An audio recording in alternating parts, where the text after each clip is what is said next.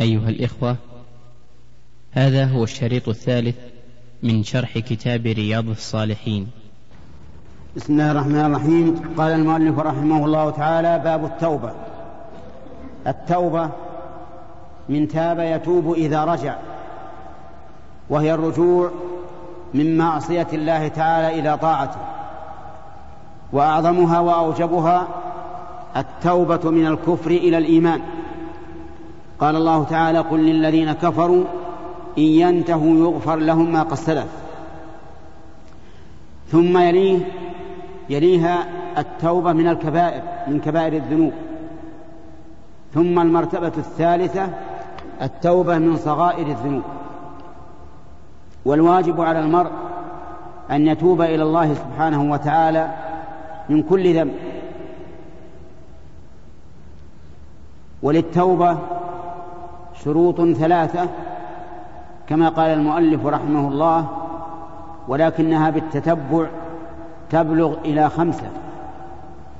الشرط الأول الإخلاص لله بأن يكون بأن يكون قصد الإنسان بتوبته وجه الله عز وجل وأن يتوب الله عليه ويتجاوز عما فعل من المعصية. لا يقصد بذلك مراءاة الناس والتقرب إليهم ولا يقصد بذلك دفع الأذية من من من من السلطات وولي وولي الأمر وإنما يقصد بذلك وجه الله والدار الآخرة وأن يعفو الله عن ذنوبه.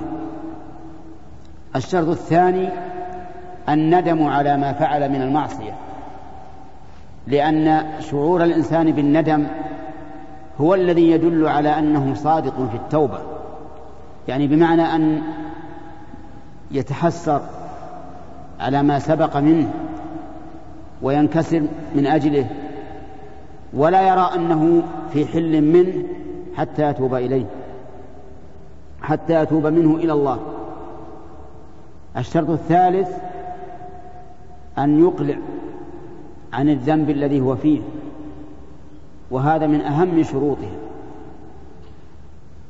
والإقلاع عن الذنب إن كان الذنب ترك واجب فالإقلاع عنه بفعله. مثل أن يكون شخص لا يزكي فأراد أن يتوب إلى الله فلا بد من أن يخرج الزكاة التي مضى التي مضت ولم يزك ولم يؤدها. إذا كان الإنسان مقصرا في بر الوالدين فإنه يجب عليه أن يقوم ببرهما. إذا كان مقصرا في صلة الرحم فإنه يجب عليه أن يصل الرحم.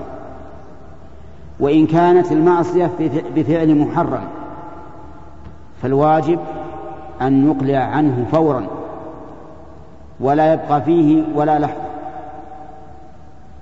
إذا كانت من أكل الربا مثلا فالواجب أن يتخلص من الربا بتركه والبعد عنه وإخراج ما اكتسبه عن طريق الربا.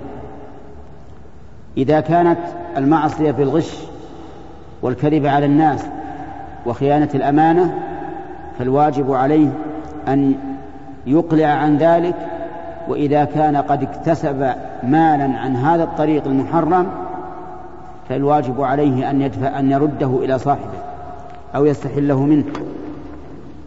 إذا كانت غيبة فالواجب أن يقلع عن غيبة الناس والتكلم في أعراضهم. أما أن يقول إنه تائب إلى الله وهو مصر على ترك الواجب أو مصر على فعل المحرم فإن هذه التوبة غير مقبولة. بل إن هذه التوبة. كالاستهزاء بالله عز وجل كيف تتوب إلى الله وأنت مصر على. على معصيته لو أنك تعامل بشرا من الناس وتقول أنا تبت إليك وأنا نادم خلاص ما أعود ثم في نيتك وفي قلبك أنك ستعود وعدت فإن هذا سخرية بالرجل فكيف بالله رب العالمين؟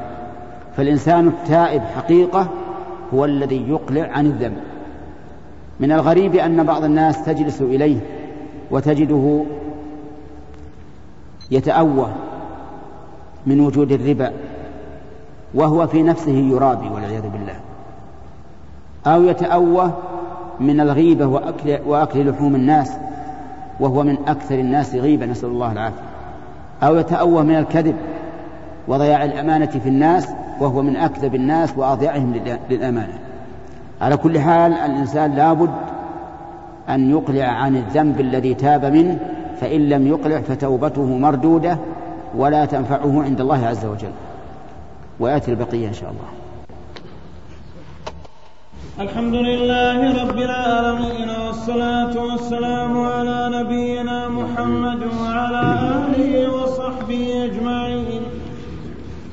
قال رحمه الله تعالى قال الله تعالى وتوبوا إلى الله جميعا أيها المؤمنون لعلكم تفلحون وقال تعالى استغفروا ربكم ثم توبوا إليه وقال تعالى يا أيها الذين آمنوا توبوا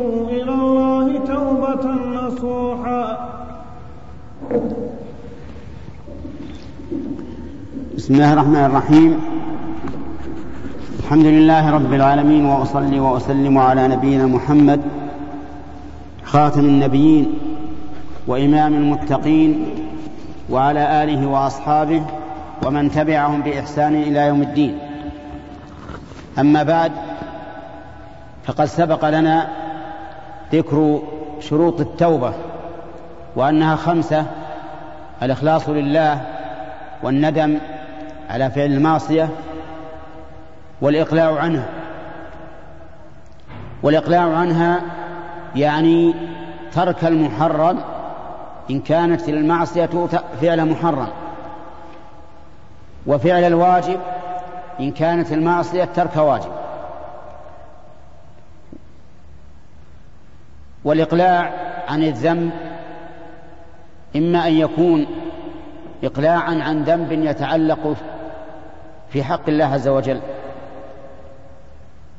فهذا يكفي أن تتوب بينك وبين ربك ولا ينبغي بل قد نقول لا يجوز أن تحدث الناس بما صنعت من المحرم أو ترك الواجب لأن هذا بينك وبين الله. فإذا كان الله قد من عليك بالستر وسترك عن العباد فلا تحدث أحدا بما صنعت إذا تبت, تبت إلى الله. وقد قال النبي عليه الصلاة والسلام كل أمتي معافى إلا المجاهرين.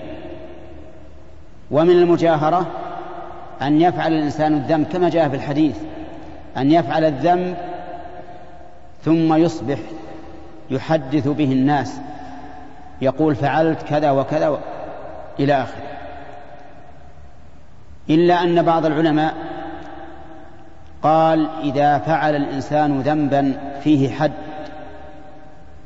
فإنه لا بأس أن يذهب إلى الإمام الذي الذي يقيم الحدود مثل الأمير ويقول إنه إنه فعل الذنب الفلاني ويريد أن يطهره منه ومع ذلك فالأفضل أن يستر على نفسه هذا هو الأفضل. يعني يباح له أن يذهب إلى ولي الأمر إذا فعل معصية فيها حد كالزنا مثلا. فيقول إنه فعل كذا وكذا يطلب إقامة الحد عليه لأن الحد كفارة للذنب. أما المعاصي الأخرى فاسترها على نفسك كما استهر الله. وكذلك الزنا وشبهه استره على نفسك بالنسبة لغير ولي الأمر. لا تفضح نفسك. ما دمت تبت بينك وبين الله فإن الله تعالى يقبل التوبة عن عباده ويعفو عن السيئات. أما إذا كان الذنب بينك وبين الخلق فإن كان مالا فلا بد أن تؤديه إلى صاحبه. ولا تقبل التوبة إلا بأدائه مثل أن تكون قد سرقت مالا من شخص وتبت من هذا فلا بد أن توصل المسروق إلى المسروق منه. جحدت حقا لشخص يعني في ذمتك دين الإنسان وأنكرته ثم تبت. فلا بد أن تذهب إلى صاحب الدين الذي أنكرته عنه عليه وتقر عنده وتعترف حتى يأخذ حقه. فإن كان قد مات فإنك تعطيه ورثته. فإن لم تعرفهم أو غاب عنك هذا الرجل ولم تعرف له مكانا فتصدق به عنه. تصدق به عنه. تخلصا منه. والله سبحانه وتعالى يعلمه ويعطيه إياه يؤديه إليه. أما إذا كانت المعصية التي فعلتها مع البشر ضربا وما أشبهه فاذهب إليه ومكنه من أن يضربك مثل ما ضربته. إن كان على الظهر فعلى الظهر على الرأس فعلى الرأس. في أي مكان ضربته فليقتص منك.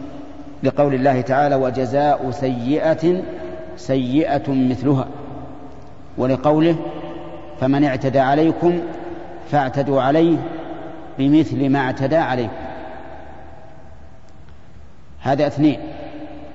وإن كان بقول أذية بقول مثل أن تكون قد سببته أمام الناس ووبخته وعيرته فلا بد أن تذهب إليه وتستحل منه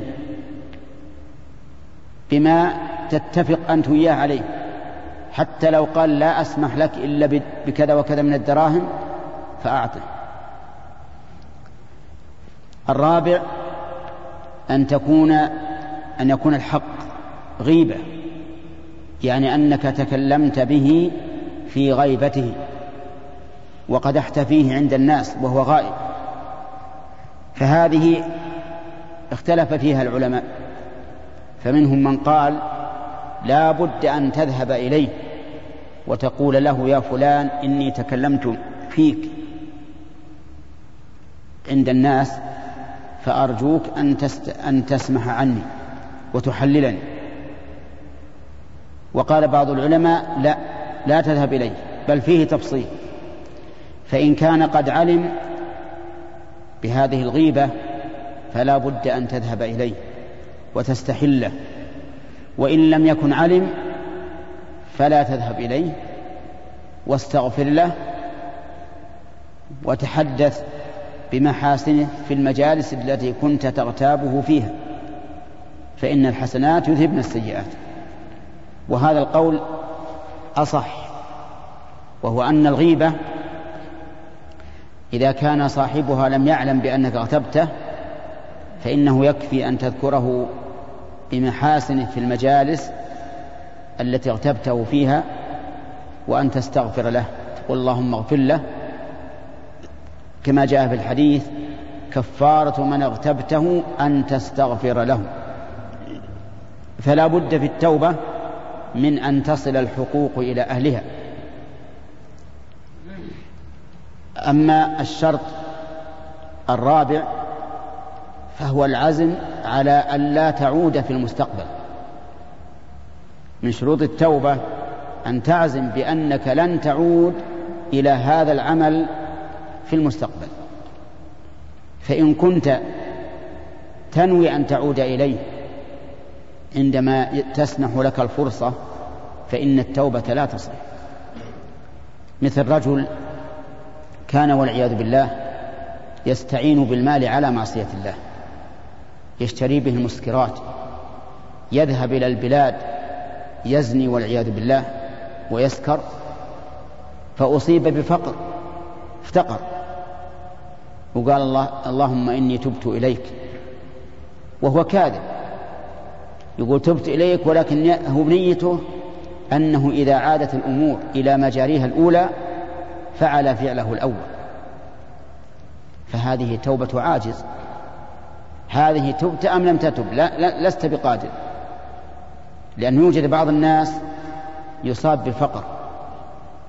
يقول خلاص تركت الذنوب.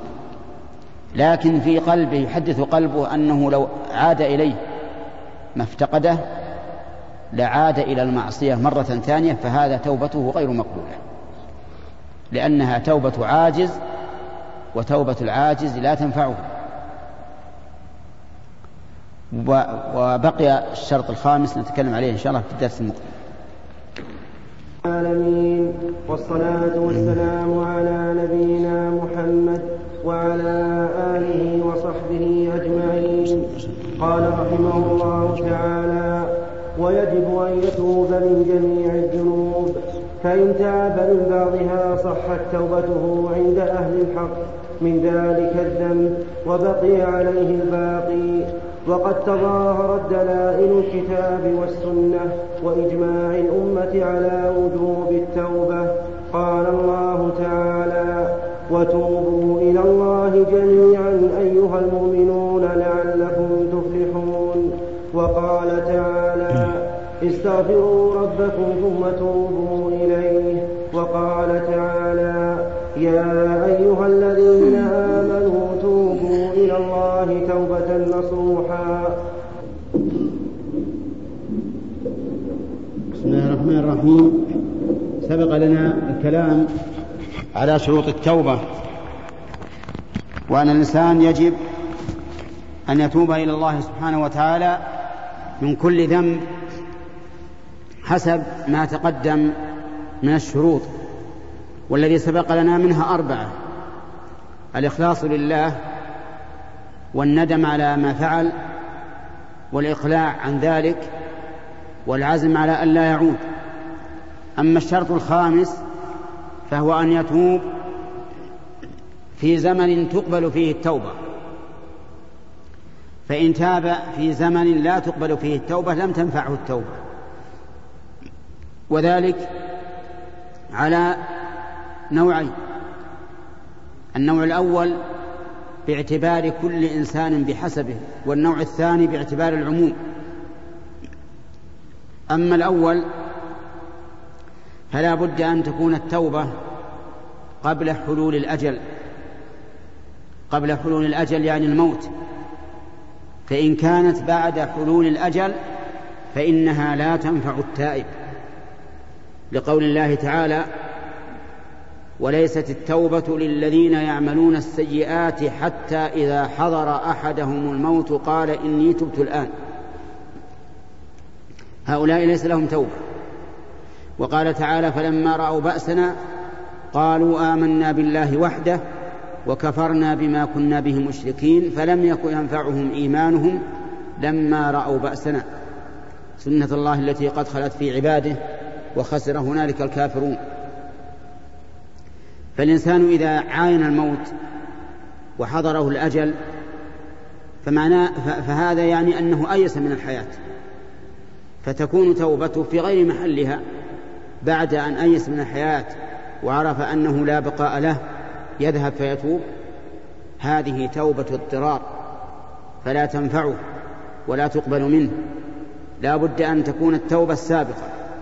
أما النوع الثاني وهو العموم فإن النبي صلى الله عليه وسلم أخبر بأن الهجرة لا تنقطع حتى تنقطع التوبة ولا تنقطع التوبة حتى تطلع الشمس من مغربها.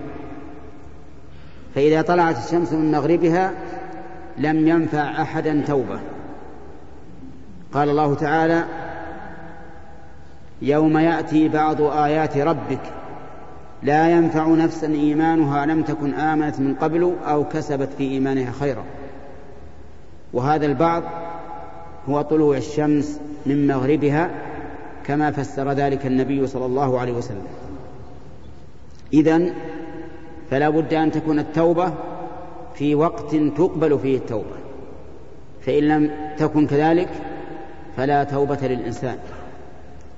ثم اختلف العلماء رحمهم الله هل تقبل التوبة من ذنب مع الإصرار على غيره أو لا؟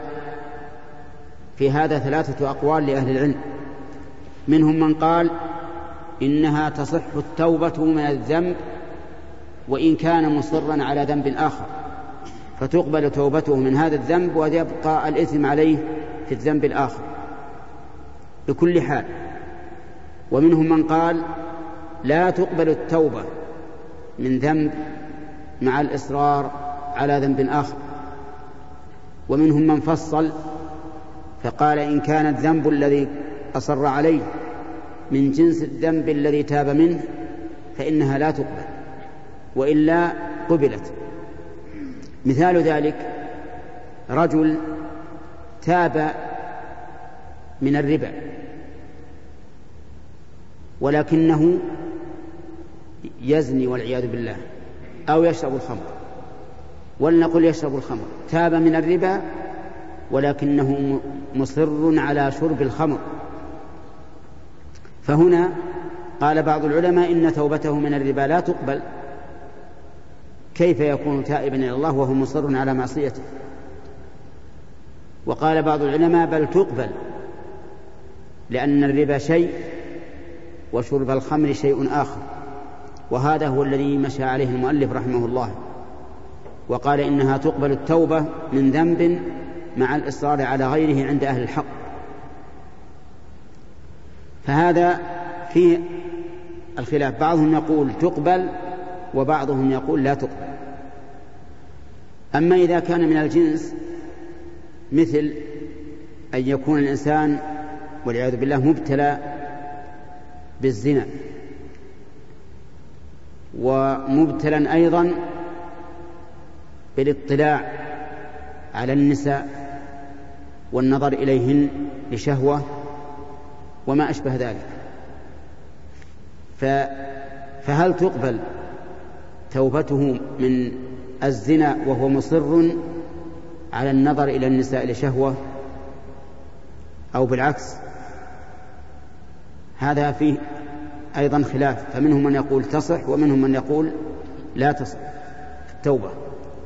ولكن الصحيح في هذه المسألة أنه يصح التوبة أن التوبة تصح من ذنب مع الإصرار على غيره لكن لا يعطى الإنسان اسم التائب على سبيل الإطلاق. ولا يستحق المدح الذي يمدح به التائبون لأن هذا لم يتب توبة تامة تاب توبة ناقصة. تاب من هذا الذنب فيرتفع عنه إثم هذا الذنب لكنه لا يستحق أن يوصف بالتوبة على سبيل الإطلاق. بل يقال هذا توبته ناقصة وقاصرة. فهذا هو القول الذي تطمئن إليه النفس أنه لا يعطى الوصف على سبيل الإطلاق ولا يحرم من التوبة التي تاب تابها من هذا الذنب والله موفق. بسم الله الرحمن الرحيم. سبق أن المؤلف رحمه الله قال إن النصوص من الكتاب والسنة تظاهرت وتضافرت على وجوب التوبة من جميع المعاصي. وصدق رحمه الله فإن الآيات كثيرة في في الحث على التوبة وبيان فضلها وأجرها وكذلك الأحاديث عن النبي صلى الله عليه وسلم. وقد بين الله تعالى في كتابه أنه يحب التوابين ويحب المتطهرين. التوابين الذين يكثرون التوبة إلى الله عز وجل. كلما أذنبوا ذنبا تابوا إلى الله. وقول ثم ذكر المؤلف من الآيات قول الله تعالى وتوبوا إلى الله جميعا أيها المؤمنون لعلكم تفلحون. هذه هذه الجملة ختم الله بها. آيات بل آيتين وجوب غض البصر.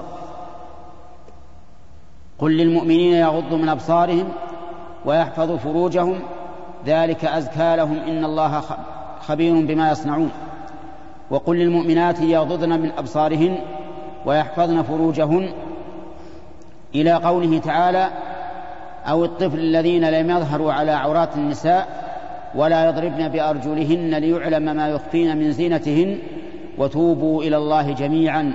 أيها المؤمنون لعلكم تفلحون. ففي هذه الآية دليل على وجوب التوبة من عدم غض البصر وحفظ الفرج لأن غض البصر يعني قصره وعدم إطلاقه وتحصين وحفظ الفرج كل ذلك من أسباب الهلاك وأسباب الشقاء وأسباب البلاء وقد ثبت عن النبي صلى الله عليه وسلم أنه قال ما تركت بعدي فتنة أضر على الرجال من النساء وقد كانت فتنة بني إسرائيل في النساء. ولهذا كان أعداؤنا أعداء الإسلام بل أعداء الله ورسوله من اليهود والنصارى والمشركين والشيوعيين وأشباههم وأذنابهم وأتباعهم كل هؤلاء يحرصون غاية الحرص على أن يفتنوا المسلمين بالنساء. يدعون إلى التبرج يدعون إلى اختلاط المرأة بالرجل يدعون إلى التفسخ في الأخلاق يدعون إلى ذلك بألسنتهم وأقلامهم وأعمالهم والعياذ بالله. لأنهم يعلمون أن الفتنة العظيمة التي ينسى بها الإنسان ربه ودينه إنما تكون في النساء. النساء التي أو اللاتي يفتن أصحاب العقول. كما قال النبي عليه الصلاة والسلام ما رأيت من ناقصات عقل ودين أذهب للب الرجل الحازم من إحداكم. هل تريد شيئا أبين من هذا؟ أذهب للب الرجل لعقله الحازم فما بالك بالرجل المهين الذي ليس عنده حزم ولا عزم ولا دين ولا رجولة؟ يكون أشد وأشد والعياذ بالله. لكن الرجل الحازم النساء يذهبن عقله. نسأل الله العافية. وهذا هو الواقع. لذلك قال الله تعالى عقب الأمر بغض البصر من الرجال والنساء. قال توبوا إلى الله جميعا أيها المؤمنون لعلكم تفلحون. وقوله عز وجل توبوا إلى الله جميعا يدل على أنه ينبغي لنا بل يجب علينا أن نتواصى بالتوبة وأن يتفقد بعضنا بعضا. هل هل الإنسان تاب من ذنبه أو بقي مصرا عليه؟ لأنه وجه الخطاب إلى الجميع. توبوا إلى الله جميعا أيها المؤمنون. وفي قوله تعالى لعلكم تفلحون دليل على أن التوبة من أسباب الفلاح. والفلاح كما قال أهل العلم بالتفسير وباللغة الفلاح كلمة جامعة يحصل بها المطلوب ويزول بها المرهوب فهي كلمة جامعة لخير الدنيا والآخرة. وكل إنسان يطلب خير الدنيا والآخرة. ما تجد إنسانا حتى الكافر يريد الخير. لكن من الناس من يوفق ومنهم من لا يوفق. الكافر يريد الخير لكن يريد خير الدنيا. لأنه رجل بهيمي. هو شر شر الدواب عند الله. إن شر الدواب عند الله الذين كفروا. شر من كل دابة تدب على الأرض الكافر. ومع ذلك هو يريد الخير يريد الرفاهية. التناعم بهذه الدنيا لكنها الدنيا جنته والآخرة والعياذ بالله عذابه وناره المهم أن كل إنسان يريد الفلاح لكن على حسب الهمة. المؤمن يريد الفلاح في الدنيا والآخرة والكافر لا يؤمن بالآخرة فهو يريد الفلاح الفلاح في الدنيا. من أسباب الفلاح التوبة إلى الله عز وجل. توبوا إلى الله جميعا أيها المؤمنون لعلكم تفلحون. أي لتنالوا الفلاح وذلك بحصول المطلوب وزوال المرهوب. والله موفق. على نبينا محمد وعلى آله وصحبه أجمعين. قال رحمه الله تعالى وعن أبي هريرة رضي الله عنه قال سمعت رسول الله صلى الله عليه وسلم يقول والله اني لاستغفر الله وأتوب إليه في اليوم أكثر من سبعين مرة. رواه وعن الأعر بن يسار المزني رضي الله عنه قال قال رسول الله صلى الله عليه وسلم يا أيها الناس توبوا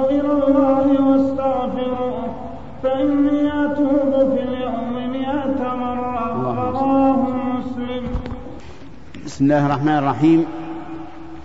تقدم الكلام على ما ذكره المؤلف رحمه الله من وجوب التوبة وشروطها وما ساقه من الآيات الدالة على وجوبها. وهذان الحديثان ذكرهما المؤلف رحمه, رحمه الله ليستدل على ذلك بالسنة لأنه كلما تضافرت الأدلة على الشيء قوي وصار أوكد وصار أوجب. فذكر حديث أبي هريرة رضي الله عنه أن النبي صلى الله عليه وسلم أقسم بأنه يستغفر الله ويتوب إليه أكثر من سبعين مرة. هذا وهو النبي عليه الصلاة والسلام. الذي غفر الله له ما تقدم من ذنبه وما تأخر. يستغفر الله أكثر في اليوم أكثر من سبعين مرة. وفي حديث الأغر بيسار المزني أنه صلى الله عليه وسلم أنه قال يا أيها الناس توبوا إلى الله واستغفروه فإني أتوب إلى الله في اليوم مئة مرة. ففي هذين الحديثين دليل على وجوب التوبة لأن النبي صلى الله عليه وسلم أمر بها فقال يا أيها الناس توبوا إلى الله. فإذا تاب الإنسان إلى ربه حصل بذلك فائدتين. الفائدة الأولى امتثال أمر الله ورسوله وفي امتثال أمر الله ورسوله كل الخير. على على امتثال أمر الله ورسوله تدور السعادة في الدنيا والآخرة. والفائدة الثانية الاقتداء برسول الله صلى الله عليه وسلم حيث كان صلى الله عليه وسلم يتوب إلى الله في اليوم مئة مرة. يعني يقول أتوب إلى الله أتوب إلى الله. والتوبة لا بد فيها من صدق بحيث إذا تاب الإنسان إلى الله أقلع عن الذنب. أما الإنسان الذي يتوب بلسانه وقلبه منطو على فعل المعصية أو على ترك الواجب أو يتوب إلى الله بلسانه وجوارحه مصرة على فعل المعصية فإن توبته لا تنفعه بل إنها أشبه ما تكون بالاستهزاء بالله عز وجل. كيف تقول أتوب إلى الله من معصية وأنت مصر عليها؟ أو تقول أتوب إلى الله من معصية وأنت عازم على فعلها؟ الإنسان لو عامل بشرا مثله بهذه المعاملة لقال هذا يسخر بي ويستهزئ بي. كيف يتنصل من أمر عندي وهو متلبس به ما هذا إلا, إلا هزء ولعب فكيف برب العالمين؟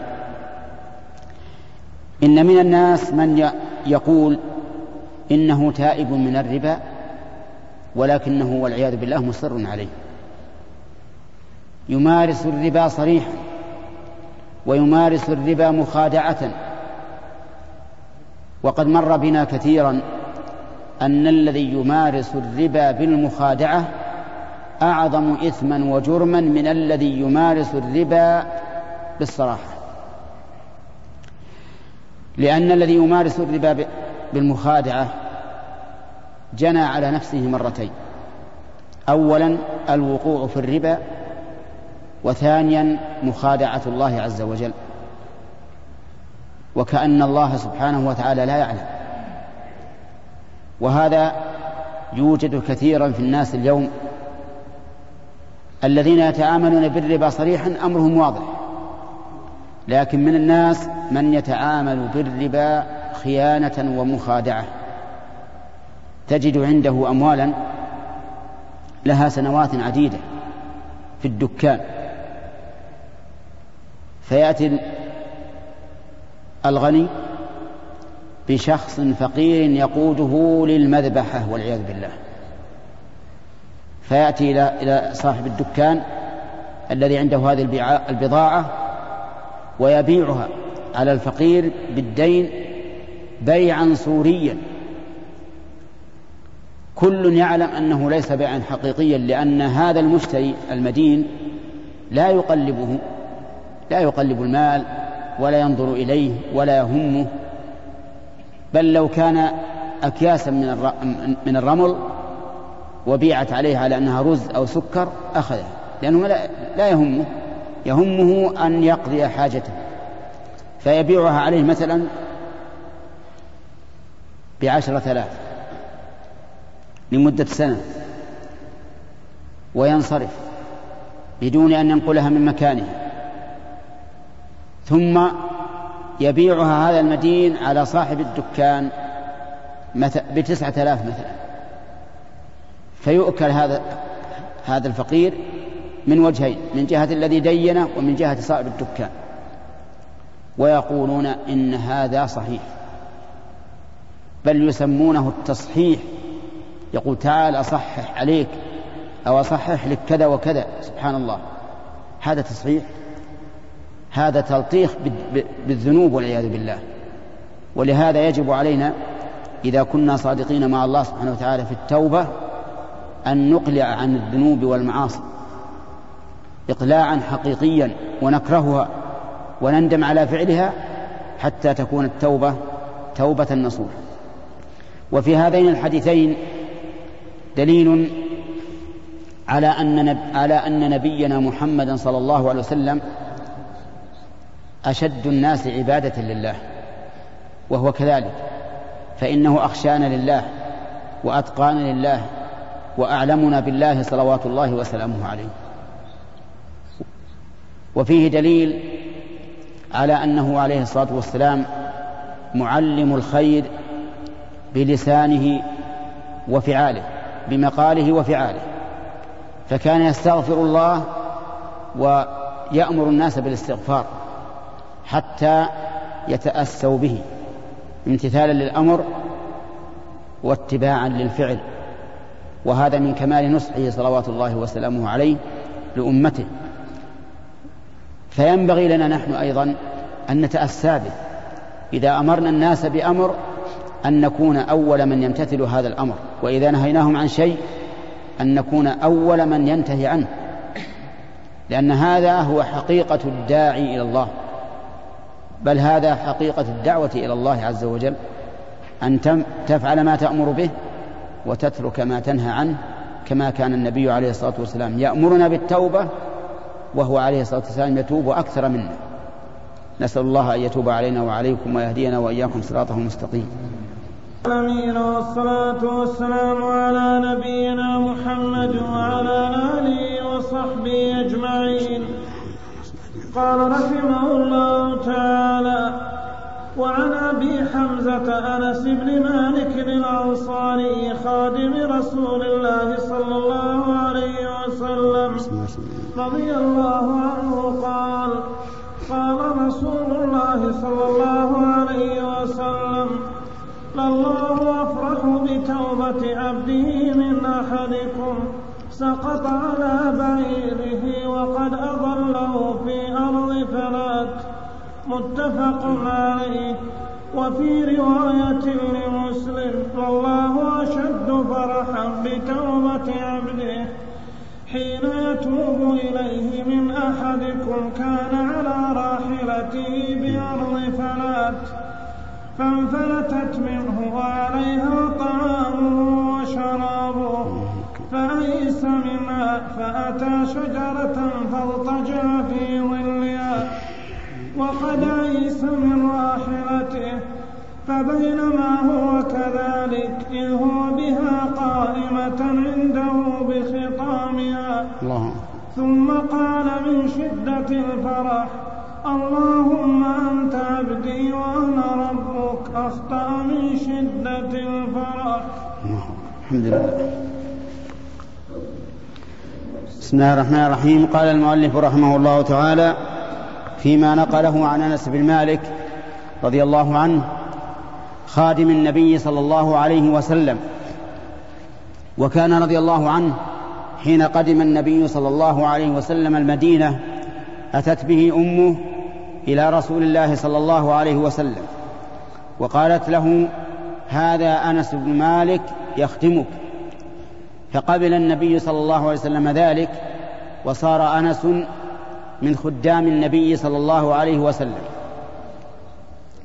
ذكر أنس رضي الله عنه أن النبي صلى الله عليه وسلم قال لله أشد فرحا بتوبة عبده إذا تاب إليه من هذا الرجل الذي سقط على راحلته بعد أن أضلها.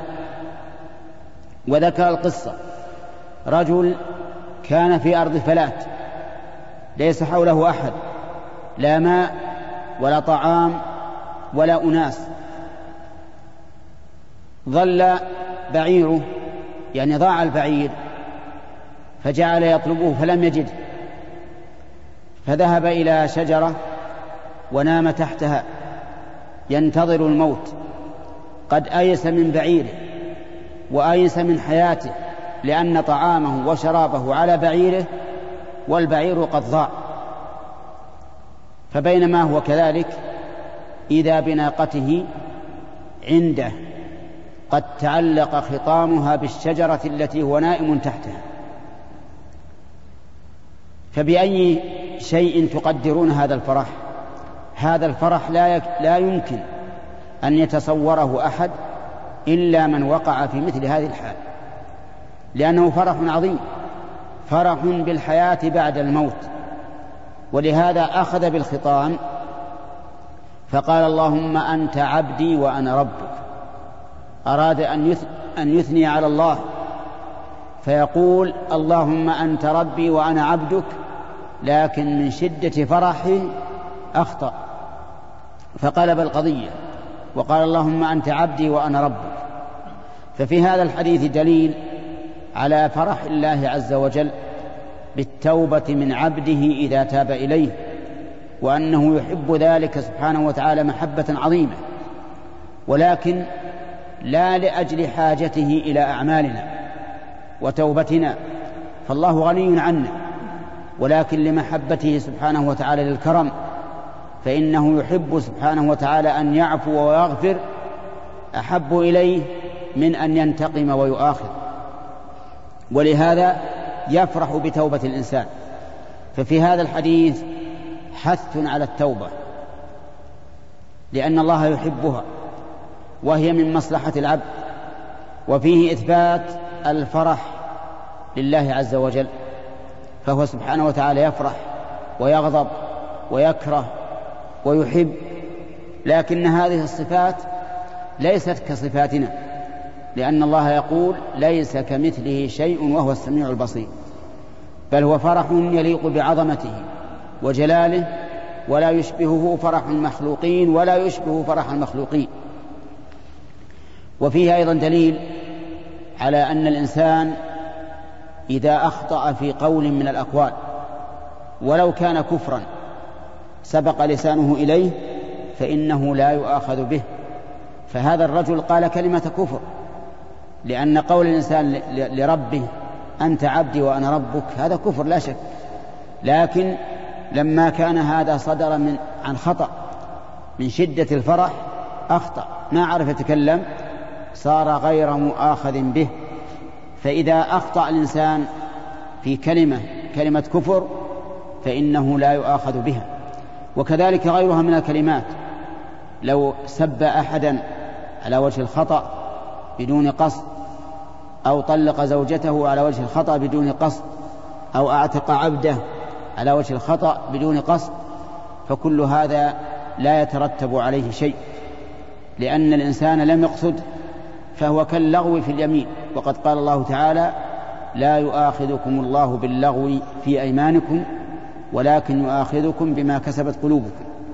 بخلاف المستهزئ فإن المستهزئ يكفر إذا قال كلمة الكفر. ولو كان مستهزئا لقول الله تعالى ولئن سألتهم ليقولن إنما كنا نخوض ونلعب قل أب الله وآياته ورسوله كنتم تستهزئون لا تعتذروا قد كفرتم بعد إيمان. فالمستهزئ قصد الكلام وقصد معناه لكن على سبيل السخرية والهزء فلذلك كان كافرا. بخلاف الإنسان الذي لم يقصد فإنه لا يعتبر قوله شيئا. وهذا من رحمة الله عز وجل. والله موفق. قال رحمه الله تعالى وعن أبي موسى عبد الله بن قيس الأشعري رضي الله عنه عن النبي صلى الله عليه وسلم قال إن الله تعالى يبسط يده بالليل ليتوب مسيء النهار. ويبسط يده بالنهار ليتوب مسيء الليل. حتى تطلع الشمس من مغربها رواه مسلم. وعن أبي هريرة رضي الله عنه قال قال رسول الله صلى الله عليه وسلم من تاب قبل أن تطلع الشمس من مغربها تاب الله عليه. رواه مسلم. وعن أبي عبد الرحمن عبد الله بن عمر بن الخطاب رضي الله عنهما عن النبي صلى الله عليه وسلم قال صلى وسلم عليه. إن الله عز وجل يقبل توبة العبد ما لم يغرغر. رواه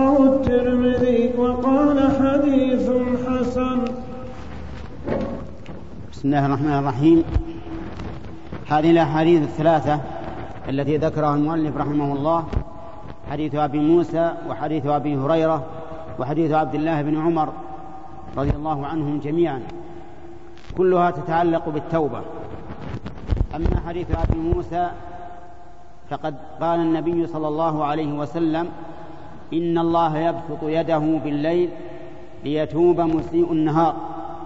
ويبسط يده بالنهار ليتوب مسيء الليل حتى تطلع الشمس من مغربها. وهذا من كرمه عز وجل أنه يقبل التوبة حتى وإن تأخرت فإذا أذنب الإنسان عبد ذنبا في النهار.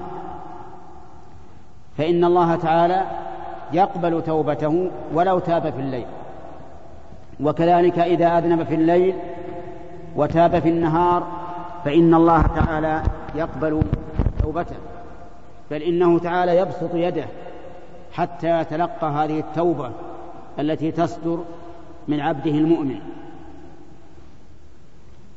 وفي هذا الحديث دليل على محبة الله سبحانه وتعالى للتوبة وقد سبق في الحديث السابق في قصة الرجل الذي أضل راحلته حتى وجدها أن الله يفرح بتوبة عبده المؤمن إذا تاب إليه. أشد فرحا من هذا براحلته. وفيه إثبات اليد لله عز وجل في هذا الحديث حديث أبي موسى إثبات أن الله تعالى له يد وهو كذلك. بل له يدان جل وعلا. كما قال تعالى وقالت اليهود يد الله مغلولة غل وقالت اليهود يد الله مغلولة غلت أيديهم. ولعنوا بما قالوا بل يداه مبسوطتان. وهذه اليد التي أثبتها الله لنفسه بل اليدان يجب علينا أن نؤمن بهما وأنهما ثابتان لله ثابتتان لله. ولكن لا يجوز أن نتوهم أنها مثل أيدينا لأن الله تعالى يقول في كتابه ليس كمثله شيء وهو السميع البصير. وهكذا كل ما مر بك من صفات الله فأثبتها لله عز وجل لكن بدون أن تمثلها بصفات المخلوقين. لأن الله ليس كمثله شيء لا في ذاته ولا في صفاته عز وجل. وفيها أيضا أن الله سبحانه أن الله سبحانه وتعالى يقبل توبة العبد في هذا الحديث وفي هذا الحديث أن الله يقبل توبة العبد وإن تأخرت.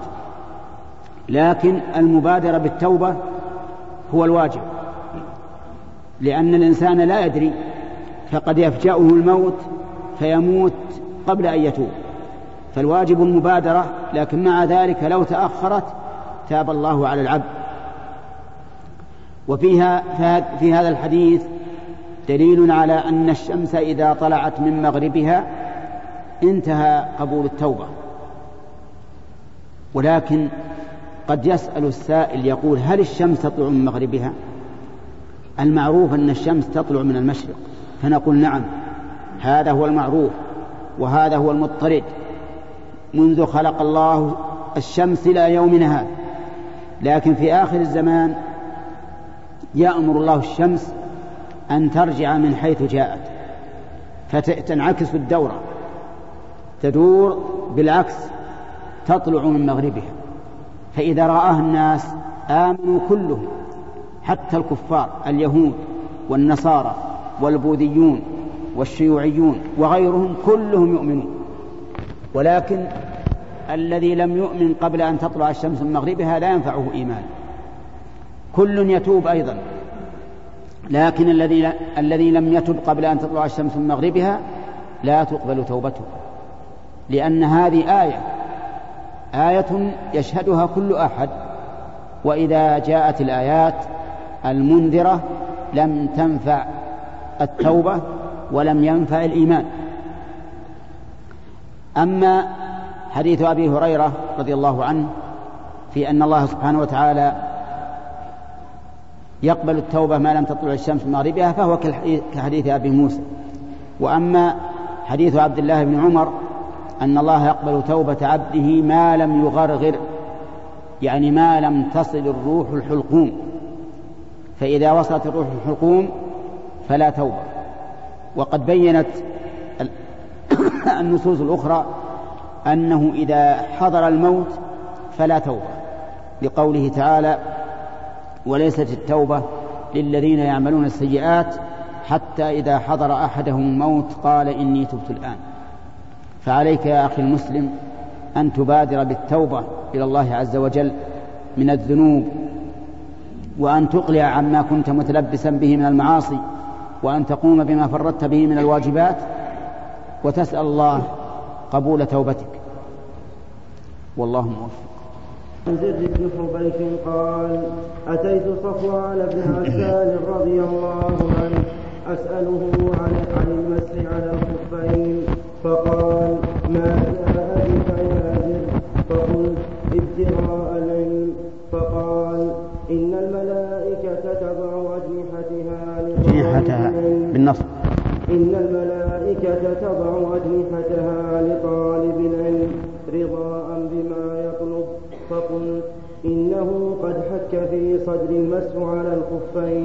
بعد الغائط والبول وكنت امرأ من أصحاب النبي صلى الله عليه وسلم فجئت أسأله هل سمعته كنت و...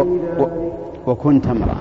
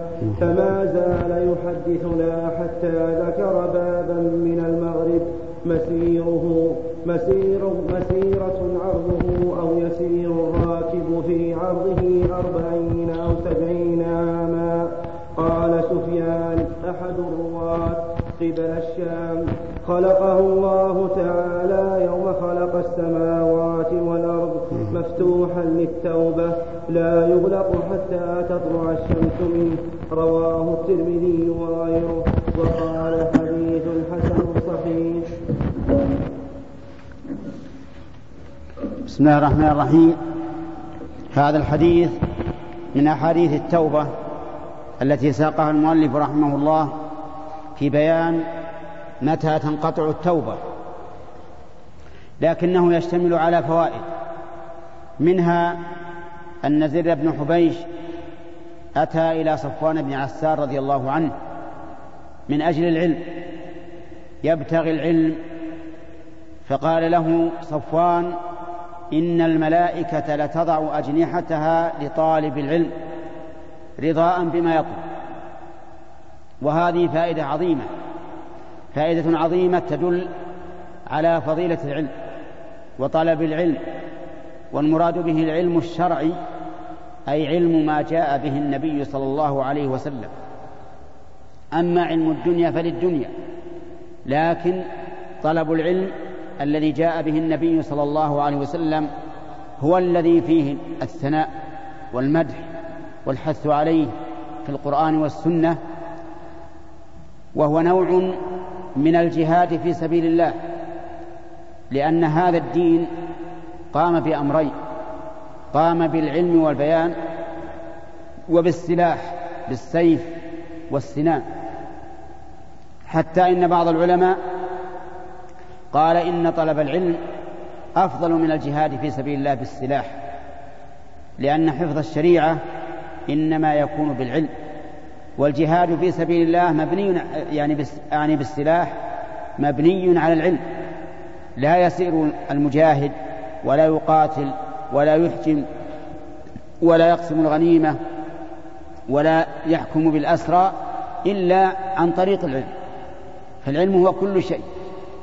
ولهذا قال الله عز وجل يرفع الله الذين آمنوا منكم والذين أوتوا العلم درجات. ووضع الملائكة أجنحتها لطالب العلم رضا بما يطلب واحتراما له وتعظيما له.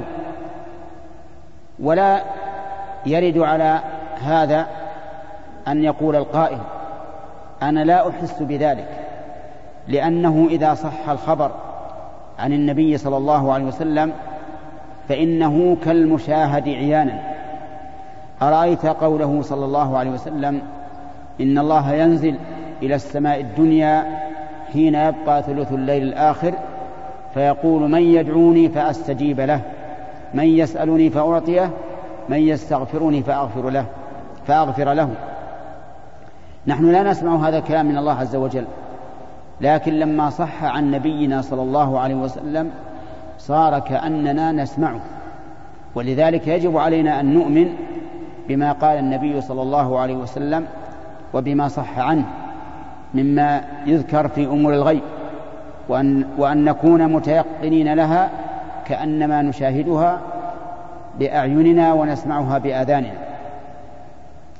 ثم ذكر زر لصفوان بن عسال أنه حك في صدره المسح على الخفين بعد البول والغائط.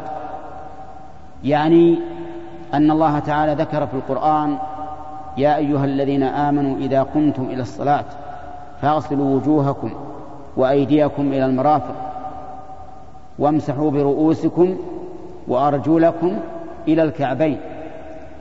فيقول إنه حك في صدري يعني صار عندي توقف وشك في المسح على الخفين بعد البول والغائط. هل هذا جائز أو لا؟ فبين له صفوان بن عسار رضي الله عنه أن ذلك جائز لأن النبي صلى الله عليه وسلم أمرهم إذا كانوا سفرا أو مسافرين أن لا ينزعوا خفافهم إلا من جنابه ولكن من غائط وبول ونوم. فدل هذا على جواز المسح على الخفين بل إن المسح على الخفين أفضل إذا كان الإنسان لابسا لهما.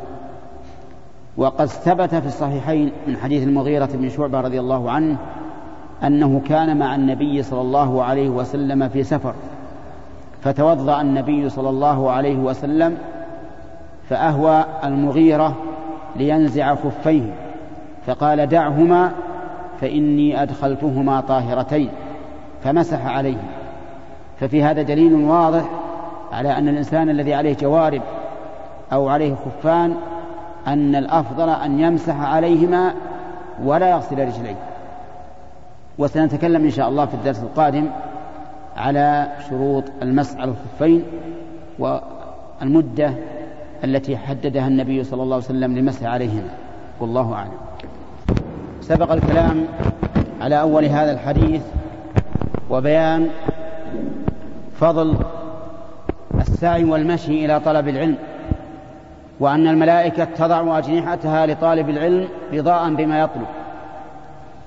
وسبق لنا أيضا أنه ينبغي للإنسان إذا أشكل عليه شيء أن يسأل ويبحث عن من هو أعلم بهذا الشيء. حتى لا يبقى في قلبه حرج مما سمع لأن بعض الناس يسمع الشيء من الأحكام الشرعية ويكون في نفسه حرج ويبقى متشككا مترددا. لا يسأل أحدا يزيل عنه هذه الشبهة وهذا خطأ. بل الإنسان ينبغي له أن يسأل حتى يصل إلى أمر يطمئن إليه ولا يبقى عنده قلق. فهذا زر بن حبيش رحمه الله سأل صفوان بن عسال رضي الله عنه عن المسح على الخفين وهل عنده شيء عن رسول الله صلى الله عليه وسلم في ذلك؟ فقال نعم. كان يأمرنا إذا كنا سفرا أو مسافرين ألا ننزع خفافنا إلا من جنابه ولكن من غائط وبول ونوم فهذا الحديث فيه دليل على ثبوت المسح على الخفين وقد تواترت الأحاديث عن النبي صلى الله عليه وسلم في ذلك. وأخذ بهذا أهل السنة حتى إن بعض أهل العلم الذين صنفوا في كتب العقائد ذكروا المسح على الخفين في كتاب العقائد وذلك لأن الرافضة خالفوا في ذلك فلم يثبتوا المسح على الخفين وأنكروه. والعجب أن من من روى المسح على الخفين علي بن أبي طالب رضي الله عنه ومع ذلك هم ينكرونه ولا يقولون به.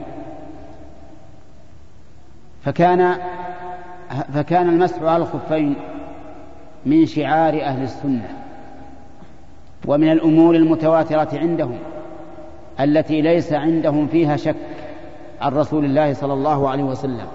قال الإمام أحمد ليس في قلبي من المسح شك أو قال شيء. فيه أربعون حديثا عن النبي صلى الله عليه وسلم وأصحابه. ولكن لا بد من شروط. لجواز المسح على الخفين. الشرط الأول أن يضعهما على طهارة. أن يضعهما على طهارة لأن النبي صلى الله عليه وسلم قال للمغيرة بن شعبة رضي الله عنه حينما أراد أن ينزع خفي النبي صلى الله عليه وسلم قال دعهما فإني أدخلتهما طاهرتين فمسح عليهما. ولا فرق بين أن تكون هذه الطهارة قد مسح فيها قد غسل فيها الرجل أو مسح فيها على خف سابق. فمثلا لو توضأ وضوءا كاملا وغسل رجليه ثم لبس الجوارب يعني الشراب أو الخفين فهنا ما لبسهما على طهارة. كذلك لو كان قد لبس جوارب من قبل ومسح عليهم ثم احتاج إلى زيادة جورب ولبسه على الجورب الأول الذي مسحه وهو على طهارة فإنه يمسح على الثاني. لكن تكون يكون ابتداء المدة من المسح على الأول لا من المسح على الثاني. هذا هو القول الصحيح أنه إذا لبس خفا على خف ممسوح فإنه يمسح على الأعلى لكن يبني على مدة المسح على الأول. لا بد أن يلبسهما على طهارة ولا بد أن تكون الطهارة بالماء. فلو لبسهما على طهارة تيمم فإنه لا يمسح عليهما. مثل رجل مسافر ليس معه ماء فتيمم ولبس الخفين على طهارة تيمم. ثم بعد ذلك وجد الماء وأراد أن يتوضأ ففي هذه الحال لا بد أن يخلع الخفين ويغسل قدميه عند الوضوء.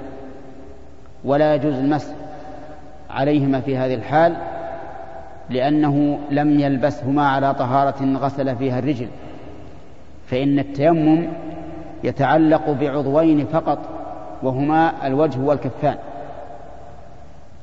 الشرط الثاني أن يكون المسح عليهما في الحدث الأصغر. ولهذا قال صفوان بن عبسال إلا من جنابة ولكن من غائط وبول ونوم. فإذا صار على الإنسان جنابة فإنه لا يجزئ أن يمسح على الجوربين أو الخفين بل لا بد من نزعهما وغسل القدمين. وذلك لأن الطهارة الكبرى ليس فيها مسح إلا للضرورة في الجبيرة ولهذا لا يمسح فيها الرأس. لا بد من غسل الرأس مع أنه في الحدث الأصغر يمسح لكن الجنابة طهارتها أوكل وحدثها أكبر فلا بد من الغسل ولا يمسح فيها على الخف لهذا الحديث ولأن المعنى والقياس يقتضي ذلك. الشرط الثالث أن تكون أن يكون المسح في المدة التي حددها النبي صلى الله عليه وسلم وهي يوم وليلة للمقيم وثلاثة أيام بلياليها للمسافر. كما صح ذلك أيضا من حديث علي بن أبي طالب رضي الله عنه في صحيح مسلم قال جعل النبي صلى الله عليه وسلم للمقيم يوم وليلة وللمسافر ثلاثة أيام بلياليها يعني في المسح على الخفين. فإذا انتهت المدة فلا مسح لا بد أن يخلع الجوربين أو الخفين ثم يغسل القدمين. ولكن إذا انتهت المدة وأنت على طهارة فاستمر على طهارتك. لا تنتقض الطهارة. ولكن إذا أردت أن تتوضأ بعد انتهاء المدة فلا بد من غسل القدمين. والله موفق. بسم الله الرحمن الرحيم. تقدم الكلام على أول هذا الحديث وأشرنا إلى ما فيه من الأحكام الفقهية فيما يتعلق بالمسح على الخفين. ثم إن زر بن حبيش سأل صفوان بن عسال هل سمع النبي صلى الله عليه وسلم يقول في الهوى شيئا؟ الهوى يعني المحبة والميل. فقال نعم. ثم ذكر قصة الأعرابي الذي كان جهوري الصوت فجاء ينادي يا محمد!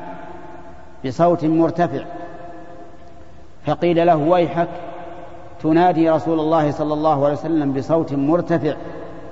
والله عز وجل يقول يا أيها الذين آمنوا لا ترفعوا أصواتكم فوق صوت النبي ولا تجهروا له بالقول كجهر بعضكم لبعض أن تحبط أعمالكم وأنتم لا تشعرون. ولكن الأعراب لا يعرفون الآداب كثيرا لأنهم بعيدون عن المدن وبعيدون عن العلم. فنادى فأجابه النبي صلى الله عليه وسلم بصوت مرتفع كما كما سأل الأعرابي لأن رسول الله صلى الله عليه وسلم أكمل الناس هديا يعطي كل إنسان بقدر ما يتحمله عقله فخاطبه بمثل ما خاطب به النبي صلى الله عليه وسلم. قال له الأعرابي المرء يحب القوم ولما يلحق بهم يعني يحب القوم ولكن عمله دون عملهم لا يساويهم في العمل. فمع من يكون أيكون معهم أو لا؟ فقال النبي صلى الله عليه وسلم المرء مع من أحب يوم القيامة. الحمد لله نعمة عظيمة. وقد روى أنس بن مالك هذه القطعة من الحديث أن النبي صلى الله عليه وسلم قال المرء مع من أحب.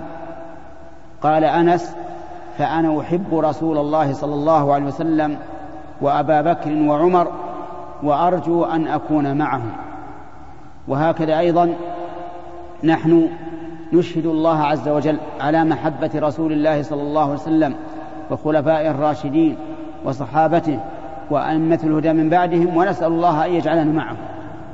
هذه بشرى بشرى للإنسان. أنه إذا أحب قوما صار معهم وإن قصر به عمله. يكون معهم في الجنة ويجمعه الله معهم في الحشر ويشربون من من حوض النبي صلى الله عليه وسلم جميعا وهكذا. كما أن من أحب الكفرة فإنه ربما يكون معهم والعياذ بالله. لأن محبة الكافرين حرام بل قد تكون من كبائر الذنوب. فالواجب على المسلم أن يكره الكفار وأن يعلم أنهم أعداء له مهما أبدوا من الصداقة والمودة والمحبة فإنهم لن يتقربوا إليك إلا لمصلحة أنفسهم ومضرتك أيضا. أما أن يتقربوا إليك لمصلحتك فهذا شيء بعيد. إن كان يمكن أن نجمع بين النار والماء فيمكن أن نجمع بين محبة الكفار لنا وعداوتهم لنا لأن الله تعالى سماهم أعداء. يا أيها الذين آمنوا لا تتخذوا عدوي وعدوكم أولياء. وقال عز وجل من كان عدوا لله وملائكته ورسله وجبريل وميكال فإن الله عدو للكافرين. كل كافر فالله عدو له وكل كافر فهو عدو لنا وكل كافر فإنه لا يضمن لنا إلا الشر. ولهذا يجب عليك أن تكره من قلبك كل كافر مهما كان جنسه ومهما كانت مهما كان تقربه إليك فاعلم أنه عدوك يا أيها الذين آمنوا لا تتخذوا عدوي وعدوكم أولياء. إذا نأخذ من هذه قاعدة.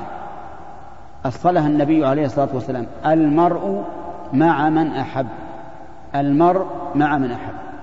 فعليك يا أخي أن تشدد قلبك على محبة الله ورسوله وخلفائه الراشدين وصحابته الكرام وأئمة الهدى من بعدهم لتكون معهم.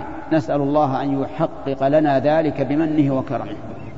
رب العالمين والصلاة والسلام على نبينا محمد وعلى آله وصحبه أجمعين.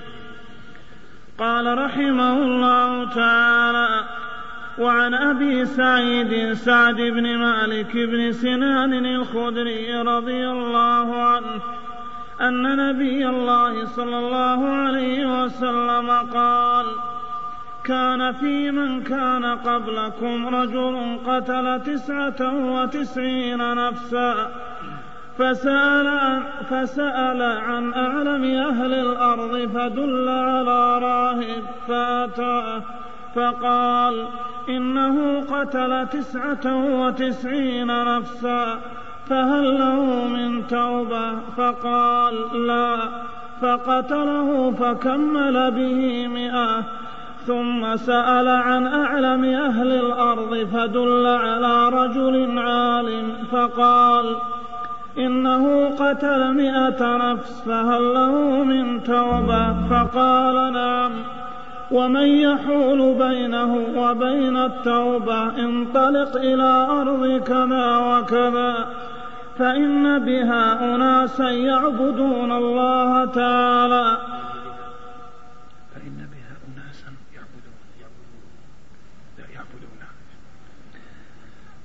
فإن بها أناسا يعبدون الله تعالى فاعبد الله معهم ولا ترجع إلى أرضك فإنها أرض سوء فانطلق حتى إذا نصب الطريق أتاه الموت فاختصمت به ملائكة الرحمة وملائكة العذاب فقالت ملائكة الرحمة جاء تائبا مقبلا بقلبه إلى الله تعالى.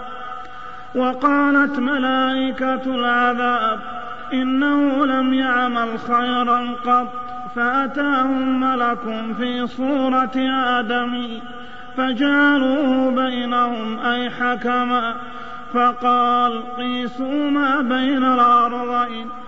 فإلى أية فإلى أية ما كان أدنى فهو له فقاسوا فوجدوه أدنى إلى الأرض التي أراد فقبضته ملائكة الرحمة متفق عليه.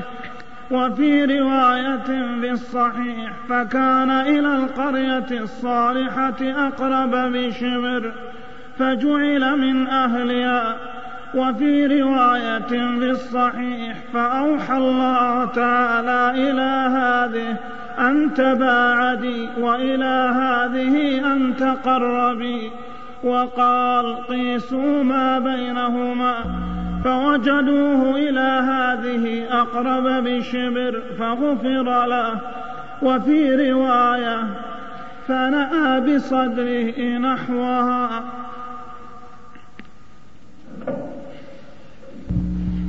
بسم الله الرحمن الرحيم. نقل المؤلف رحمه الله عن أبي سعيد سعد بن سنان بن مالك الخدري رضي الله عنه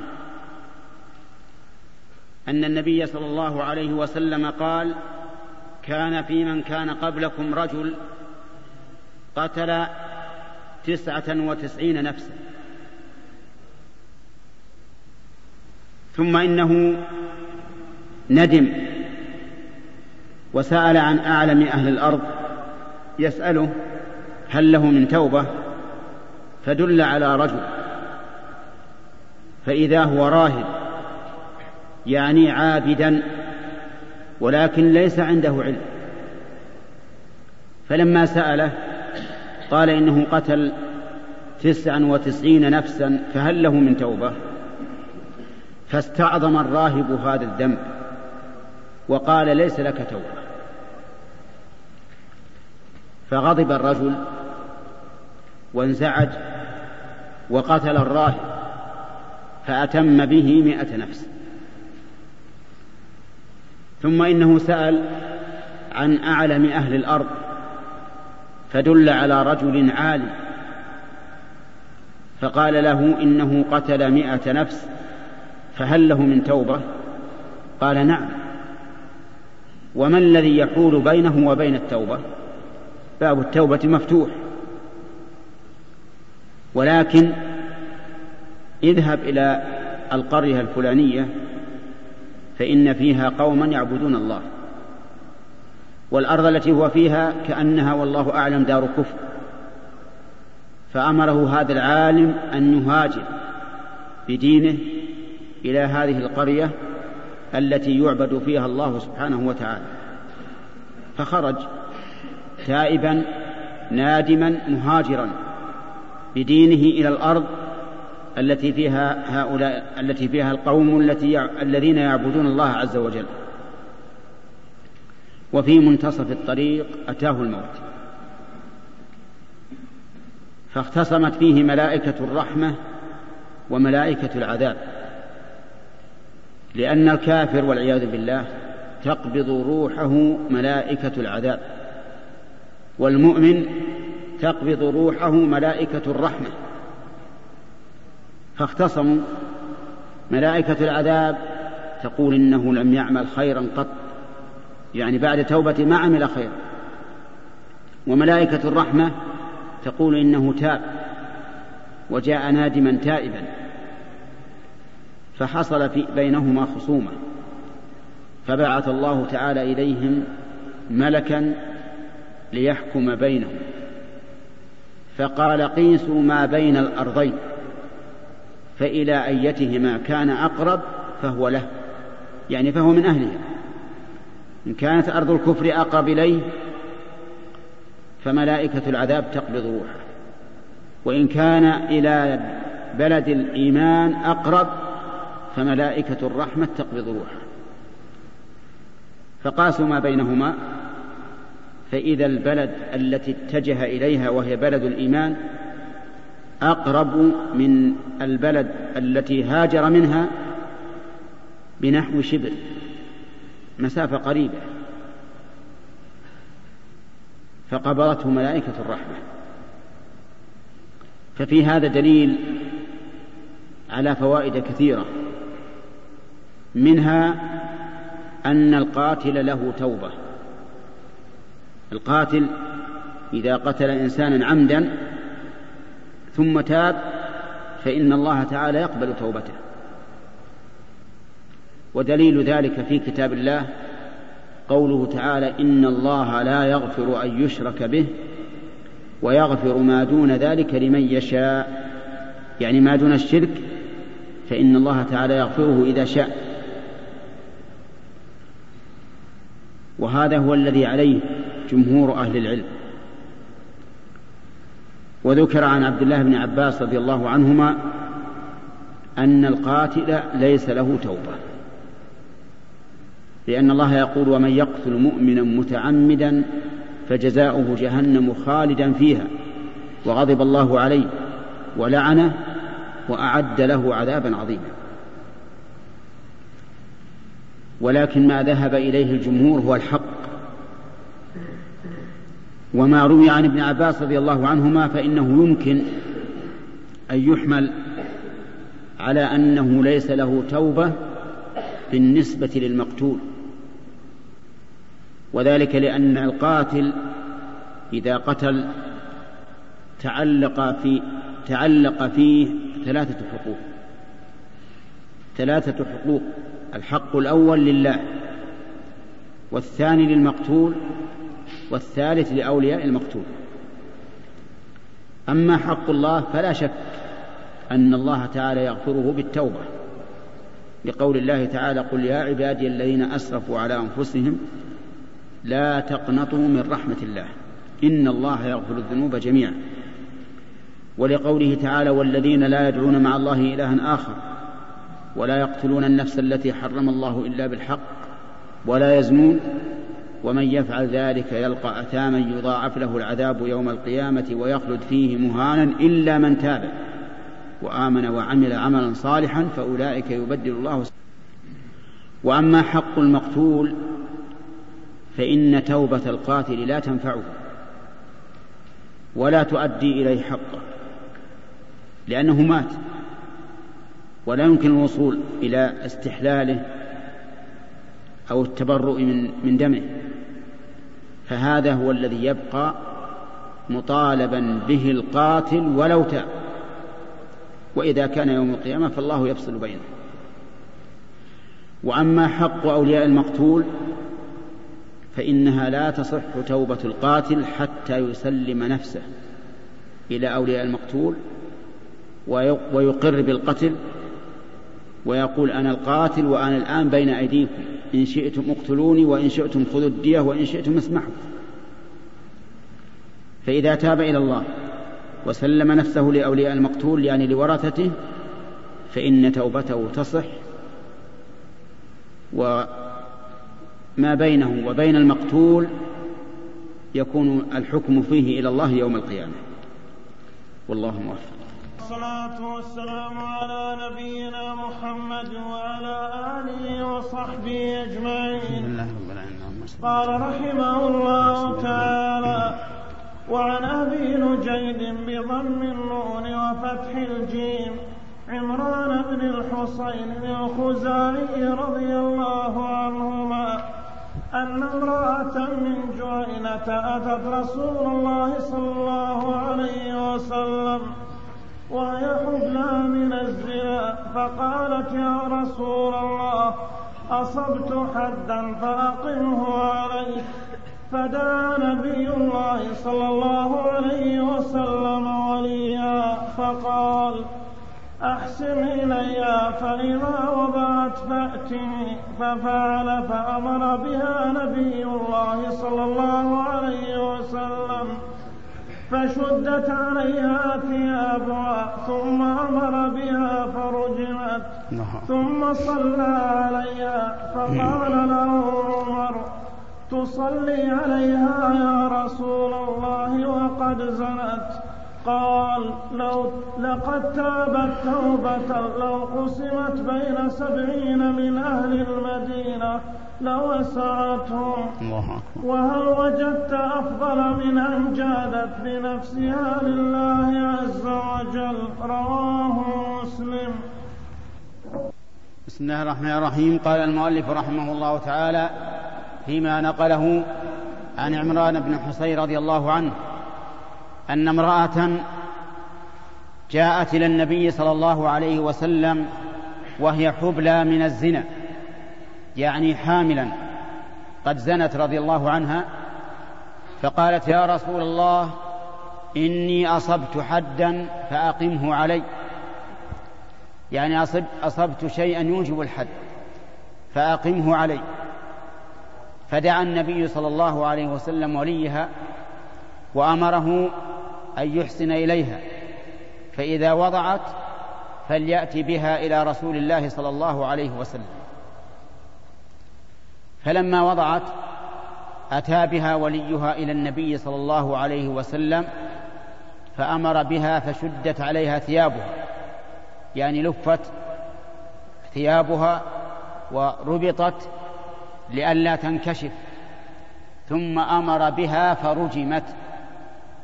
رجمت يعني بالحجارة. بحجارة ليست كبيرة ولا صغيرة حتى ماتت. ثم صلى عليها النبي صلى الله عليه وسلم ودعا لها دعاء الميت. فقال له عمر تصلي عليها يا رسول الله وقد زنت؟ يعني وزن من كبائر الذنوب. فقال إنها تابت توبة لو قسمت على سبعين من أهل المدينة لوسعته. يعني توبة واسعة. لو قسمت على سبعين كلهم مذنب لوسعتهم ونفعتهم. وهل وجدت أفضل من أن جادت بنفسها لله عز وجل؟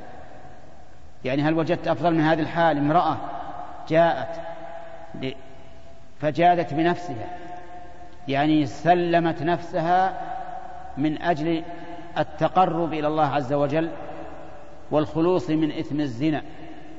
ما هنا أفضل من هذا؟ ففي هذا الحديث دليل على فوائد كثيرة. منها أن الزاني إذا زنى وهو محصن يعني قد تزوج فإنه يجب أن يرجم وجوبا. وقد كان هذا في كتاب الله عز وجل.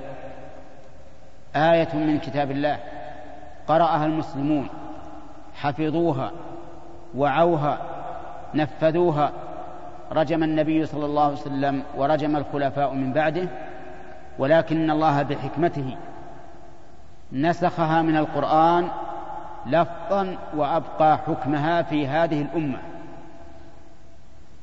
فإذا زنى المحصن وهو الذي قد تزوج فإنه يرجع حتى يموت.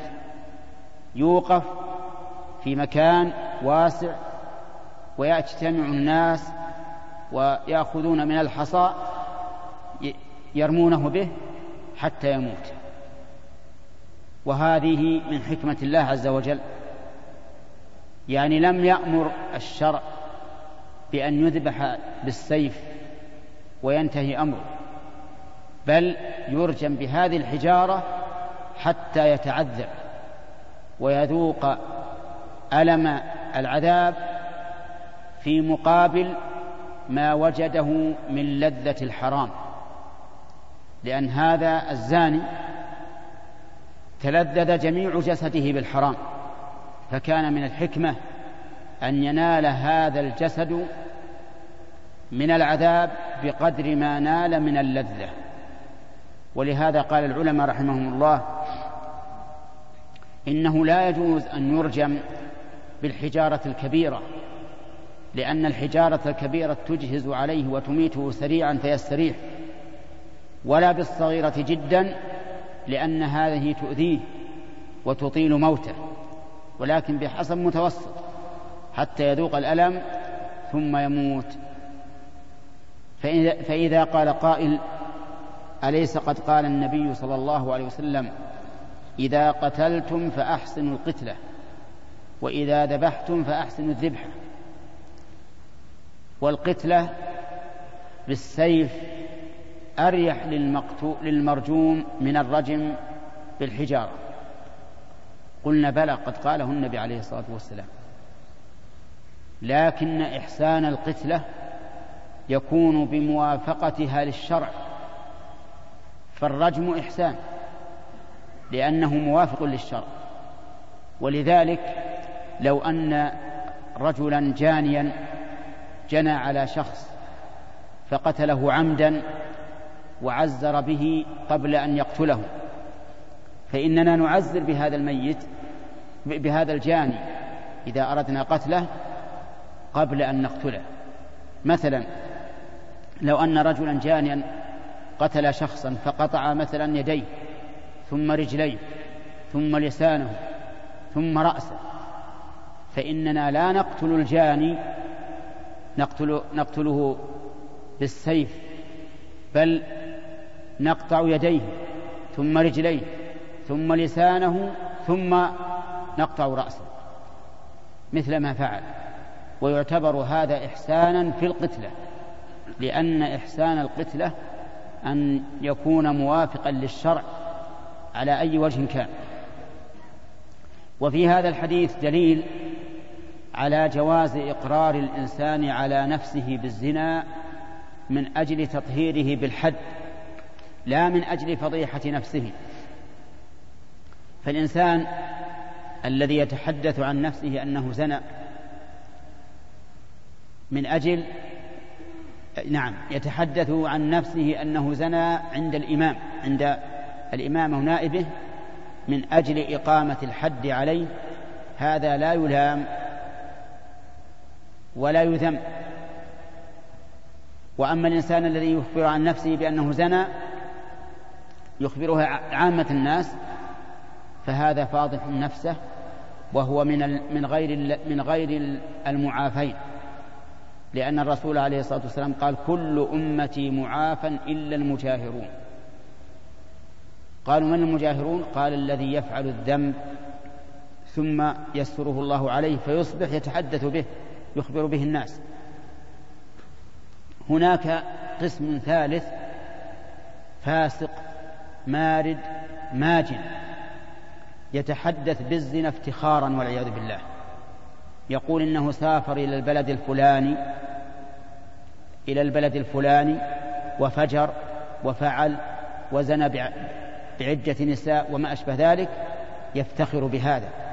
هذا يجب أن يستتاب فإن تاب وإلا قتل. لأن الذي يفتخر بالزنا مقتضى حاله أنه استحل الزنا والعياذ بالله. ومن استحل الزنا فهو كافر. كافر. ويوجد بعض الناس يفعل هذا والعياذ بالله. بعض هؤلاء المرجة الفسقة الذين أصيب المسلمون بالمصائب من أجلهم ومن أجل أفعالهم يوجد من يتبهدل.